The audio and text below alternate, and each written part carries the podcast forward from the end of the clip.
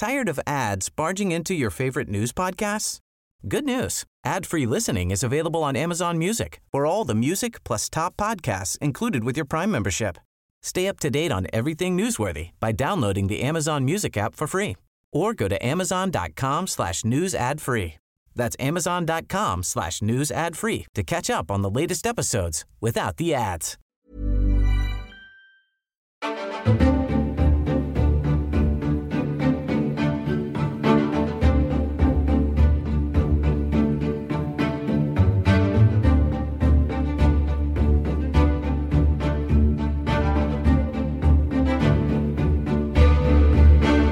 Hej och välkommen till Aftonbladet Utrikes. Jag heter Jenny Ågren och som du förstår av namnet så är det här podden som handlar om det som händer utanför Sveriges gränser. Och jag har som alltid med mig Nivette Davoud. Hej!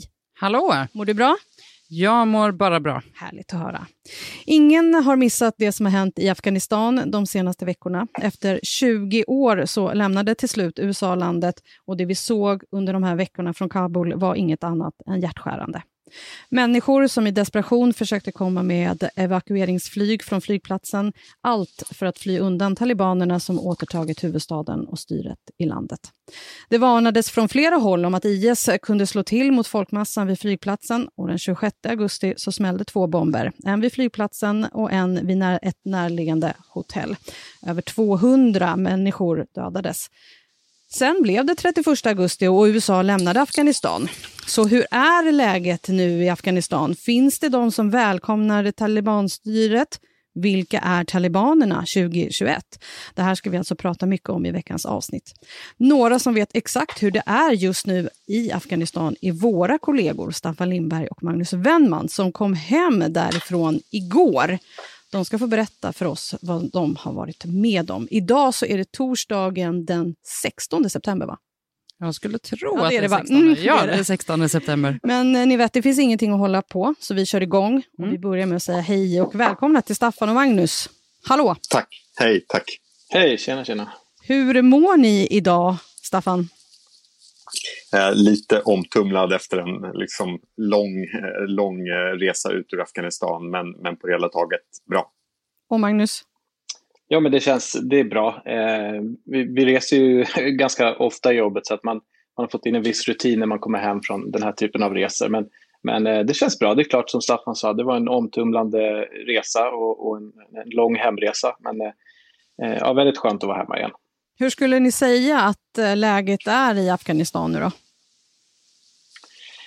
Eh, jag skulle säga att eh, för min egen del som har varit där några gånger tidigare, för ungefär alltså för åtta år sedan, så det är klart att det var oroligt i Afghanistan även då, men det var en oro på ett annat sätt. Det var en oro för kanske att det skulle ske attentat och det var väldigt mycket vägspärrar och väldigt mycket Eh, kontroller runt om i, i hela Afghanistan. Det var också väldigt osäkert att åka på vissa vägar, man fick inte lämna de stora städerna och så vidare.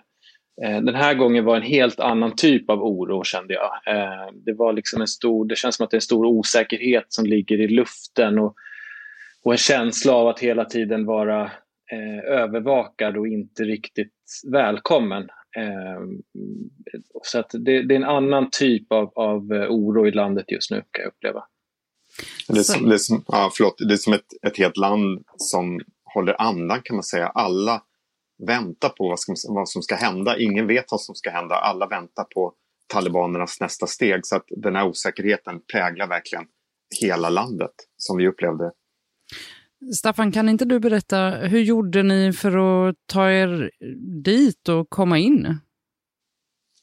Ja, flyget eh, funkar inte just nu. Eh, flygplatsen har varit stängd. Den håller på att öppna upp nu men, men än går det inte att flyga in till, till Kabul som tidigare. Utan det vi gjorde var att vi sökte visum till Pakistan och sen så reste vi in eh, från Pakistan. Eller i Pakistan fick vi visum sen till Afghanistan och det var ganska märkligt därför att vi gick till den eh, afghanska ambassaden i, i Islamabad, i huvudstaden Islamabad och sökte visum. Och, och det var en märklig upplevelse därför att den här ambassaden eh, den levde helt och hållet kvar i det gamla. Där satt porträtt av den störtade presidenten eh, Ashraf Ghani. Där satt de gamla flaggorna. Och, och, men då hade ambassaden varit väldigt osäker. Men de har fått besked från talibanerna att nej, ni får fortfarande utfärda visum Så då gjorde de det, de gav oss ett visum och med det visumet i handen så reste vi upp till gränsen eh, vid staden Peshawar i Pakistan och gick över gränsen och mötte talibanerna. Hur var det då, Magnus, när ni mötte talibanerna? Det är ju lite som att, eh, ja det, är verkligen en tydlig eh, gräns. Även om, om det är lite kaos även på den pakistanska sidan vid gränsen så är det relativt välordnat. Eh, precis när du kommer över gränsen och går genom den här långa gången som är täckt av taggtråd och, och galler på, på båda sidorna och kommer ut på andra sidan så är det ju som att komma ut i eh, eh verkligen en, en, helt annan värld eh, än tidigare. Eh, det är eh, stökigt, bökigt, eh, väldigt mycket vapen, väldigt mycket eh, blickar. Eh, man känner sig ganska så uttittad just nu som, som västerlänning. Det här är också en väg som som jag tror ganska få journalister har, har rest in i senaste, senaste åren. Så att eh, människorna som bor där tycker väl att det är lite eh, märkligt kanske det som, det som händer och att det kommer lite västerlänningar över, över gränsen där just nu. Eh, men det, det är en, eh, en, eh, en väldigt märklig känsla att komma in i Afghanistan just nu. Var, man, var ni rädda då? Nej, jag skulle inte säga att vi var rädda när vi gick in i Afghanistan. Det kändes ganska så tryggt. Det första som hände var att vi blev inkallade i, ett rum av talibanerna som hävdade att vi inte hade rätt sorts papper från informationsministeriet i Kabul och vi var tvungna att ha det pappret för att kunna resa vidare då, eh, till Kabul. Men vi hade en bra kontakt och fixare på plats som, som lyckades ringa och lösa de här papperna och så fort vi fick dem så, så blev vi släppta och kunde åka vidare till Kabul. Men eh, hur är det med säkerheten i landet. Du beskriver ju det lite här, Magnus. Eh, eh men hur är det generellt liksom, nu när USA och andra militära styrkor har lämnat? Eh, ja, alltså det är ju svårt att säga. Det som, det som man kan se väldigt tydligt är att det finns ingen struktur just nu. Eh, bara det här att åka vägen från pakistanska gränsen till, till Kabul är ju en, en ganska lång och bökig väg eh, skulle det hända någonting, olycka eller så vidare, det finns ingen struktur för att lösa de situationerna. Så att säga. Det finns ingen polis eller ambulans som kommer utan eh, det, är, det är ingen ordning eh, just nu. Det, man, det, man kan, det man kan säga också är att ingen vet, därför att den tidigare stora faran för många afghaner, för utlänningar som reste till Afghanistan, ja, men det var att talibanerna skulle slå till, en sorts ständig oro för talibanerna. Och, och, nu finns ju inte talibanerna här som den typen av hot. Alltså de kommer inte begå terrordåd eller, eller sätta bomber någonstans utan nu är det de själva som håller på och söker under alla bilar för att leta efter bilbomber och så. Det är en ganska ironisk situation. Men så att på, på ett plan så skulle man kunna hävda att det kanske rent av skulle vara säkrare nu därför att, därför att talibaner är de som styr och, och, och det, det, är inte några som begår attentat och det råder en bräcklig fred i nästan hela Afghanistan. Men samtidigt så, så finns det så många osäkerheter. Ingen vet hur talibanerna kommer att agera. Talibaner är som Magnus var inne på inte alls enhetliga utan det ser väldigt olika ut på olika håll vilket vi också fick uppleva. Och dessutom har man som en stor, stor osäkerhet hela tiden frågan om terrorgrupper, vad, olika terrorgrupper som al-Qaida och kanske framförallt IS, afghanska grenen ISK, eh, kommer att göra. Kommer de slå till igen? Kommer de nu att börja rikta in sin terror, sina terrordåd mot talibanernas Afghanistan. Det vet ingen, så det är det här osäkerheten, det är det här bräckliga lugnet som präglar allt, skulle jag säga. Sen, det, ni inne på, det är ju så här, ni blir insläppta ändå i Afghanistan av talibanerna, så de vill ju ändå låta er komma in och visa upp sig på något sätt. Vad, vad är det för bild som talibanerna vill visa upp? Det är nog en bild av att de har kontroll över landet. Eh, att det är de som styr, eh, att de är väldigt, väldigt måna om att etablera någon sorts normalitet. Att eh, på sikt bli, bli erkända, att bli legitima, legitima härskare över, över Afghanistan.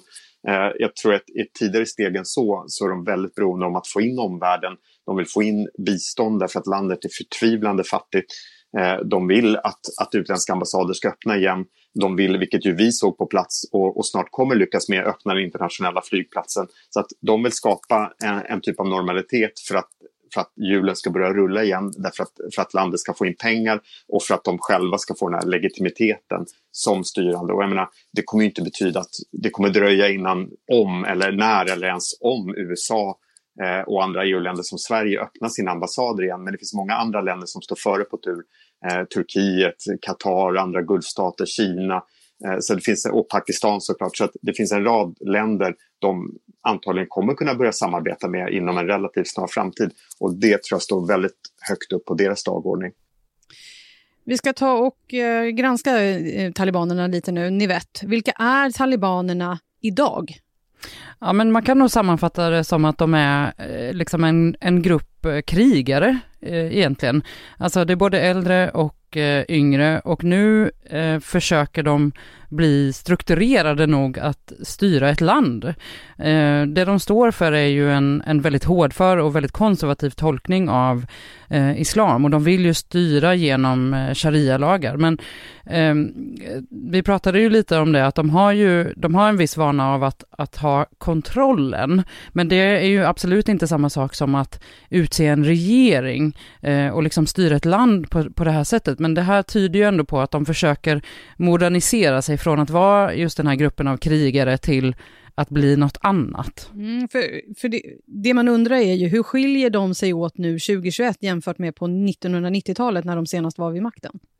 Ja men eh, exakt, de, de eh, var ju liksom eh, mer av en, en våldsam gruppering och den grenen finns ju kvar. Där, där finns framförallt de unga talibanerna.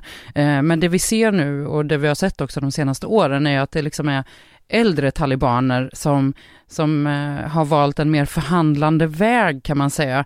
Eh, vi ska ju komma ihåg det här med att eh, när talibanerna tog över Kabul så gjorde man ju det på dels väldigt kort tid men också faktiskt utan att särskilt mycket blod spilldes. Eh, talibanerna på 90-talet var ju mycket, mycket mer våldsamma, hänsynslösa. Det var liksom en, en armé eller en gerillagrupp i rörelse liksom. Men nu då eh, så, så eh, ska man försöka styra landet med en regering Eh, Eh, det är ju inte någonting man har gjort tidigare, även om man som sagt hade, eh, har viss erfarenhet av att kontrollera, att man till exempel, man tjänade pengar, man tog ut skatt på eh, sånt som opiumförsäljning, vägtullar och sådär. och hade ett liksom styre och regler och sådär för befolkningen. Men, men det här är ju, kan man säga, en ny typ av talibangrupp som, mm, du, som vi ser nu. Mm, för du var inne på det lite förut här, att, man, att de är på väg att bli lite modernare. Är de modernare idag? Alltså de vill ju ge det intrycket i alla fall. För som sagt, de har utsett en regering, de har hållit presskonferens, de har talespersoner, de finns till och med på Twitter. Eh, och det känns ju nästan absurt att säga, det är ju en grupp som, som stämplas som en terrorgrupp liksom. Men eh, det här eh, om eller hur de ska styra ett land, eh, det, det kommer ju bli rätt svårt för dem, för att eh, de vill ju det. De är ju väldigt liksom, eh, inriktade på att de ska ha en stabil regering som andra länder kan samarbeta med och sådär. Men, men eh, hur det här kommer se ut i, i verkligheten sen, det är liksom, det är väldigt många som är väldigt um, osäkra på, på hur det här kommer att bli. För att uh, även om de, de uh, går mot mer en förhandlings eh, taktik och sådär och har gjort det i flera år och, och, vill visa att de är pragmatiska. Så samtidigt så finns ju den här väldigt konservativa eh, islam eh, som de faktiskt är grundade på, den, den verkar ju bestå eh, utifrån det man har sett på hur de har agerat istället för det de har sagt. Liksom. Mm, och sen vet jag i alla fall att jag har läst på aftonbladet.se, så här är de som är ledarna i talibanstyret. Men vem är det som bestämmer? Vem är ledaren? Ja men det där är också kan man säga en, en del av deras förnyelse, eller vad man ska säga. Förut så, så fanns det ju en väldigt tydlig enskild ledare, Mulla Omar till exempel.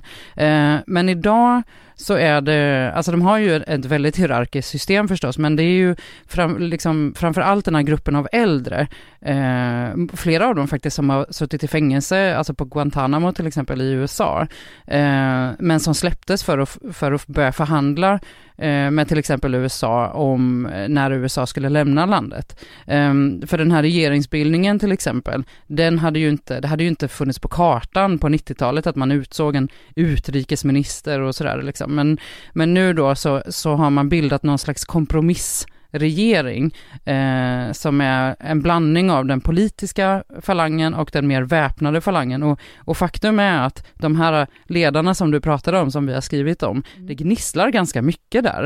Eh, det är liksom ledare som inte har synts till och liksom eh, de som menar att den väpnade falangen borde få mycket mer utrymme. Så att Eh, det finns en, en, liksom en ledarstrid också bland den här gerillagruppen. Det är inte alla som vill bli den här mer kompromissande gruppen som talibanerna nu söker sig till att bli. Det är lite sjukt ändå att det läcker de här uppgifterna från Afghanistan. Ja, trubbel bland talibanerna. Det känns ju helt galet att man ens kan stå och säga det, ja, men faktiskt. det är det här som sker. Mm. Men du, talibanerna gick ju också ut tidigt och sa att kvinnor ska få arbeta, flickor ska få gå i skolan bland annat. Hur verkar det bli med det?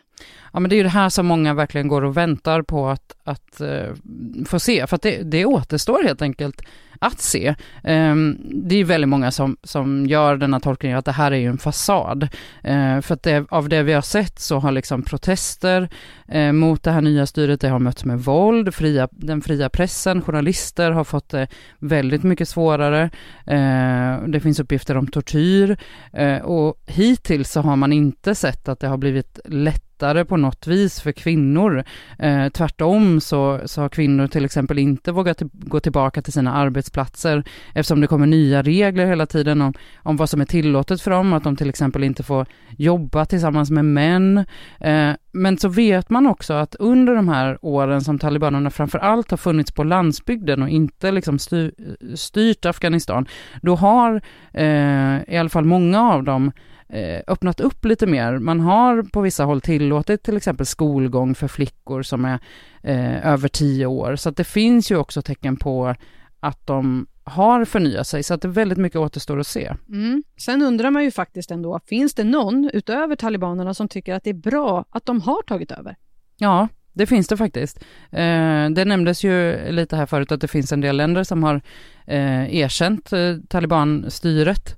Eh, och till exempel Pakistan då, grannlandet, eh, där finns det nog många som tycker att det är bra att talibanerna har tagit över makten, inte bara för att eh, vi vet eh, sen, sen länge tillbaka att talibanerna har tagit ofta sin tillflykt till Pakistan och eh, utbildat sig där till exempel, eh, men också för att det här har ju förändrat liksom eh, maktbalansen. Eh, USA lämnar, Ryssland träder in, Kina träder in, att de Eh, Eh, det förändrar liksom eh, balansen i världen.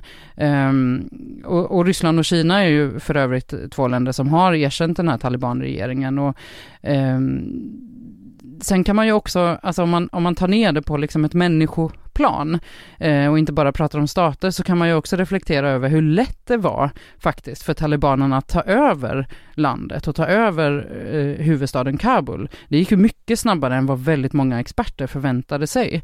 Eh, och det säger också någonting om eh, egentligen hur stort stödet var för den förra regeringen, alltså den som tillsattes av USA. Eh, det var ju många, det kom ju jättemycket rapporter om att eh, soldater från, från regeringsarmén gav upp utan, och att det var därför som det inte spilldes så mycket blod, men att man också gav upp för att man inte hade så himla mycket solidaritet med den regering som fanns. Att man, att man la ner vapnen så fort man såg talibanerna och, och sa liksom att ja men mer eller mindre varsågod, här får ni ju ta över. Eh, så man ska liksom inte heller glömma att bilden av talibanerna historiskt är faktiskt att bland väldigt många i alla fall, att de, de har ju motstått ockupation. De drev ju ut Sovjetunionen på 80-talet till exempel. Eh, och, och, att eh, dessutom hatet faktiskt mot USA och mot den regering som de eh, tillsatte, eh, det finns hos väldigt många, så att det finns ett stöd för talibanrörelsen. Sen betyder ju inte det eh, alltid att man vill att de också ska styra landet. Tack för det där Nivette. Nu vill jag ju fråga Staffan och Magnus eh, som ju kom hem från Afghanistan igår. Träffade ni några som tyckte att det var bra att talibanerna hade makten igen? Staffan? Talibanerna själva okay. träffade vi. Eh, nej, men jag, jag, tror att det många känner eh, är att, att de, de, det är skönt att det är fred. De vill ha fred. Eh, och, och, och, i den bemärkelsen så, så finns det en viss lättnad bland vissa som, som inte känner sig hotade av talibanerna eh, utanför de grupper som, som har mest att förlora eh, på att de kommer till makten. Så att, ja, det, det finns de som, som, som, som, tycker att det är bra att de har tagit makten. Men jag tror att mest av allt så, så längtar befolkningen efter fred, efter lugn och ro. Eh, det är ju de här som är mest hotade av talibans maktövertagande, kvinnor, kvinnor i storstäderna, kvinnor som har gjort yrkeskarriärer, som har pluggat och utvecklat sig under de här åren när det har varit möjligt. Det är de som har mest att förlora. Men, men de är trots allt en väldigt liten del av befolkningen och, och ute på landsbygden så, så lever människor väldigt, väldigt traditionellt. Eh, och där spelar det kanske inte så väldigt stor roll vem som har makten. Man vill ha fred och, och man vill ha mat för dagen och, och, det är två saker som, som inte alls har varit självklart under många, många år nu. Vilka mer, vad har ni träffat för människor när ni har varit på plats? Vi har träffat, träffat människor som, som eh, av, av, från olika håll. Som sagt, vi har, vi har pratat, träffat många talibaner. De, de är ganska olika sinsemellan. Vissa tycker har varit pratsamma, velat berätta för oss vilka de är, varför de strider, hur de fattade högtidliga beslut i sina liv att, att kriga för Gud och, och viga sitt liv till det. Eh, vi har pratat med, med kvinnor som känner sig hotade med, med personer av andra, eh, som av, av andra skäl är hotade. En, en kille som, som är gay som lever i en fasansfull skräck just nu för, för vad som ska hända med honom. Eh, vi har pratat med mängder av flyktingar som har sökt sig till Kabul för att komma undan striderna och, och som nu känner en jätteosäkerhet. Det kommer även nya flyktingar från Panjshirdalen där kriget fortsätter och, och som, som känner en enorm osäkerhet för framtiden. Och jag tror att det är just den här just den här osäkerhetskänslan som, som nästan alla vi har träffat delar. Staffan, ni har också träffat barn. Jag läste en artikel när ni satt i en bil och åkte och det var en tjej som liksom naglade sig fast vid bilen. Och fick liksom släppa taget när... Ja, men det stämmer. Det stämmer. Eh, hon, alltså det är, vi möter hela tiden, det är ganska förfärande, tigga barn överallt på gatorna.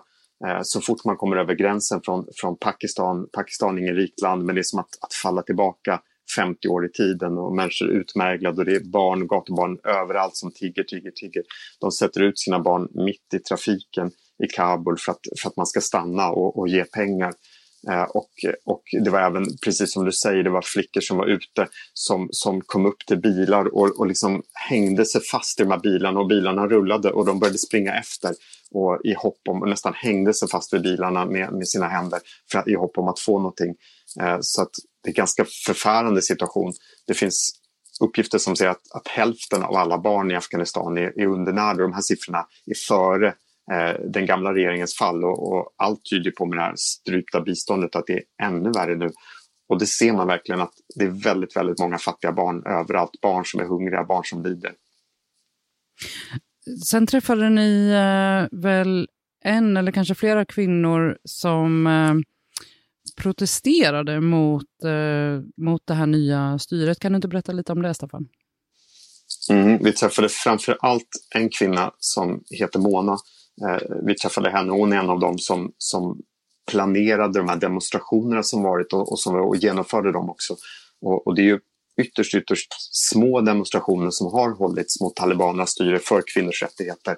Men, men såklart väldigt, väldigt farligt. Och hon berättade hur, alltså hon, hon var ett ganska typiskt exempel på den här äh, urbana medelklassen som har vuxit fram under de här senaste 20 åren mellan talibanernas olika styren vi sa innan att, att den här frågan som folk ställer sig hela tiden, har, har talibanerna förändrats jämfört med för 20 år sedan? Jag tror kanske egentligen att, att fråga, eller svaret är snarare att Afghanistan har förändrats och frågan är väl egentligen i vilken mån talibanerna har insett det och agerar annorlunda. För Afghanistan är väldigt annorlunda idag. Det finns i, stor, i de stora städerna till exempel många, många kvinnor eh, som är utbildade, som har pluggat på universitet, som har jobbat eh, kanske i den statliga förvaltningen eller i någon av, av de många, många, många utländska hjälporganisationerna och som är otroligt kompetenta och kunniga och som har jobbat stenhårt i alla de här åren och som egentligen över en natt såg allt de hade byggt upp försvinna när talibanerna kom eh, där på, på förmiddagstimmarna den 15 augusti. Och, och Mona Husseini som vi träffade var ett typiskt exempel för en, en sån kvinna som har förlorat allt men som efter att ha varit sörjt och varit i chock i några dagar eh, långsamt tillsammans med andra kvinnor började inse att de måste göra motstånd. De måste ge sig ut på gatorna och protestera för, för kvinnors rättigheter. Staffan, vi har ju lite ljud därifrån så vi ska bara höra lite vad Mona berättade. The day when they took the Kabul, I thought everything finished and I'm a dead person. Because for a person who can be alive, their, her wish, her hopes, her future will make you uh, like a, a live person. But for me, when I lost everything, I lost my home, my hope, my future, my achievement. I worked very hard 10 years um, for my goals. So when I lost that, this means I'm a dead person and I'm a dead body, yeah, just moving around. And uh, yeah, like that. Magnus, eh, den, du pratade lite tidigare om hur skillnaderna var jämfört med när du har varit där tidigare. Om du, om du tänker lite på, på barnens situation, vad, hur ser skillnaden ut där? Jag tycker Staffan beskrev det ganska bra hur, hur eh, situationen ser ut nu. Det är ju en, eh, det är såklart en fruktansvärd situation. Eh, jag tycker att det var ganska stor skillnad i i centrala Kabul mot när jag varit där tidigare. Just som Staffan säger, att det var fler barn som tiggde på vägarna. Det, det, är fler som är desperata, som klänger sig fast vid bilarna. Många barn har ju också, de går runt och säljer såna här Eh, vita talibanflaggor som de eh, kanske tjänar eh, en, en, liten, liten summa pengar på mellan bilarna för att folk ska kunna sätta på sina fordon. Eh, det är eh, ingen kul situation helt enkelt. Det, det, det, är svårt att säga hur, hur det kommer att utvecklas men just nu ser det inte särskilt bra ut skulle jag säga. Ja men precis. Får du, fick ni någon bild av hur, hur ser de här människorna på, på framtiden? De, jag skulle säga att de allra fattigaste, eh, på ett sätt kanske de som oroar sig minst för, för det politiska styret därför att de, är, de, de behöver mat för dagen. Vi träffade människor som de måste gå ut och jaga mat för dagen. De bor i en park mitt i centrala Kabul, ungefär 2000 internflyktingar. Och före den 15 augusti, den gamla regeringens fall, så kom hjälporganisationer dit. Nu kommer ingen dit. De måste ut, ut och tigga. De skickar ut sina barn för att tigga för att få mat för dagen. Det, det är så det ser ut. Så att för dem handlar allt om att överleva och kanske mindre om vad talibanernas styre kommer att innebära. Eh, just bland de fattigaste. Och det märktes ju ganska tydligt när jag och Staffan besökte den här parken med, med de här mängderna av flyktingar hur, hur otroligt eh, eh många människor det var som ville kontakta oss och, och prata med oss och, och försöka få hjälp av oss på något sätt. Eh, få oss att skriva upp deras telefonnummer på Eh, på listor och så vidare. De, de, är verkligen desperata för att ta liksom minsta möjliga chans att, att få hjälp utifrån och komma därifrån. Hur, hur känns det att åka till Kabul och rapportera om läget? Känner man att man, att man kan göra någonting? Staffan? Ja, det tycker jag. Det här är ju vårt jobb, att vara på plats och att, att ge en röst till, till människor som kanske inte annars får en röst. Så att på ett, på ett journalistiskt plan, som journalist så, så känns det väldigt meningsfullt. Sen finns det stunder när man kan bli otroligt frustrerad, stunder när man kommer eh, till exempel till sådana här flyktingläger och de ser för första gången på, på flera veckor att det kommer utlänningar och de tror att vi kommer från en hjälporganisation eller kanske någon utländska diplomater eller någonting som, som kan erbjuda en väg ut ur Afghanistan eller, eller åtminstone mat och, och, vård för deras sjuka barn. Många har barn som är svårt, både skador från kriget och sjuka. Eh, och det är klart att då känns det inte så bra att säga att det enda vi kan göra är att berätta om er situation i en artikel i en tidning i ett annat land. Men ändå så, så tror jag att det är väldigt, väldigt viktigt att, att omvärlden är på plats, försöker åka dit, försöker vara där och på olika sätt ger en röst åt människor och följer utvecklingen. Jag menar, nu har ju ambassaden försvunnit, alla de här tusentals, tusentals militärerna försvunnit. Då är det inte mycket som återstår eh, för, som vi kan göra för Afghanistans folk. Men vi ska åtminstone skriva om vad som händer, vi ska åtminstone berätta och vi ska åtminstone låta människorna i landet komma till tals. Nivette, du har också varit på den här typen av resor?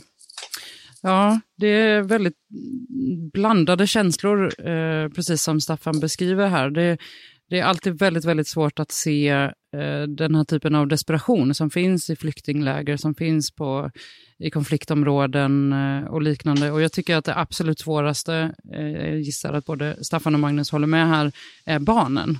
Ehm, att se deras situation, därför att de eh, har inte kunnat styra överhuvudtaget att, att de har hamnat där de, där de är. Eh, samtidigt så tycker jag också sam att eh, barnen är också nästan alltid det mest hoppfulla på något vis. Eh, de kan liksom skratta i situationen där ingen annan eh, har alls någon anledning att skratta. Så på något sätt så, så ger det också väldigt mycket. Och sen så är det förstås ett, nästan ett privilegium att få vara på plats, att kunna berätta eh, för, ja, men för svenska folket eh, om vad det är som försiggår. Så jag, jag, vill verkligen understryka det, att det är otroligt viktigt att kunna vara på plats. Och det, är, eh, ja, det är ju förstås en del av vårt jobb, men ehm, det känns också väldigt, väldigt viktigt. Magnus, allt material som ni har samlat in nu och alla intryck, hur ska ni jobba vidare med det? Eh, ja, men precis, nu har vi ju publicerat eh, om det är tre eller fyra artiklar från Afghanistan och vi har ett par artiklar kvar som, som kommer in de närmaste dagarna. Så att, eh, det vi gör nu är att gå igenom materialet och, och som sagt eh, skriver ihop eh, några artiklar till eh, som, som kommer snart eh, och som jag hoppas att så många som möjligt tar sig tid att, att läsa. Ehm, så, men eh, ja, det ska bli eh, väldigt intressant att, att liksom följa utvecklingen hemifrån nu eh, närmaste tiden så, så får man se om man eventuellt kan åka tillbaka framöver. Vi säger tack för idag, Staffan och Magnus. Tack så hemskt mycket. Vad bra att ni, vad fint att ni kunde vara med oss. Och ni vet, vi är ju också klara för idag. Ja, det stämmer fint. Vi säger tack Eh, så mycket och tack till dig som har lyssnat. Utrikes är tillbaka igen nästa vecka. Följ oss gärna i din poddspelare så missar du inte några avsnitt. Och du kan alltså läsa mer om allt kring Afghanistan på aftonbladet.se. Jag heter Jenny Ågren. Nu säger vi tack för idag. Hej då! Hej då!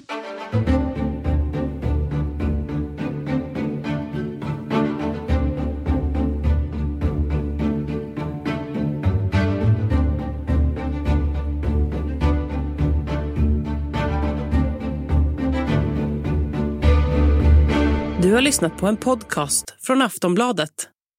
Ansvarig utgivare är Lena K Samuelsson.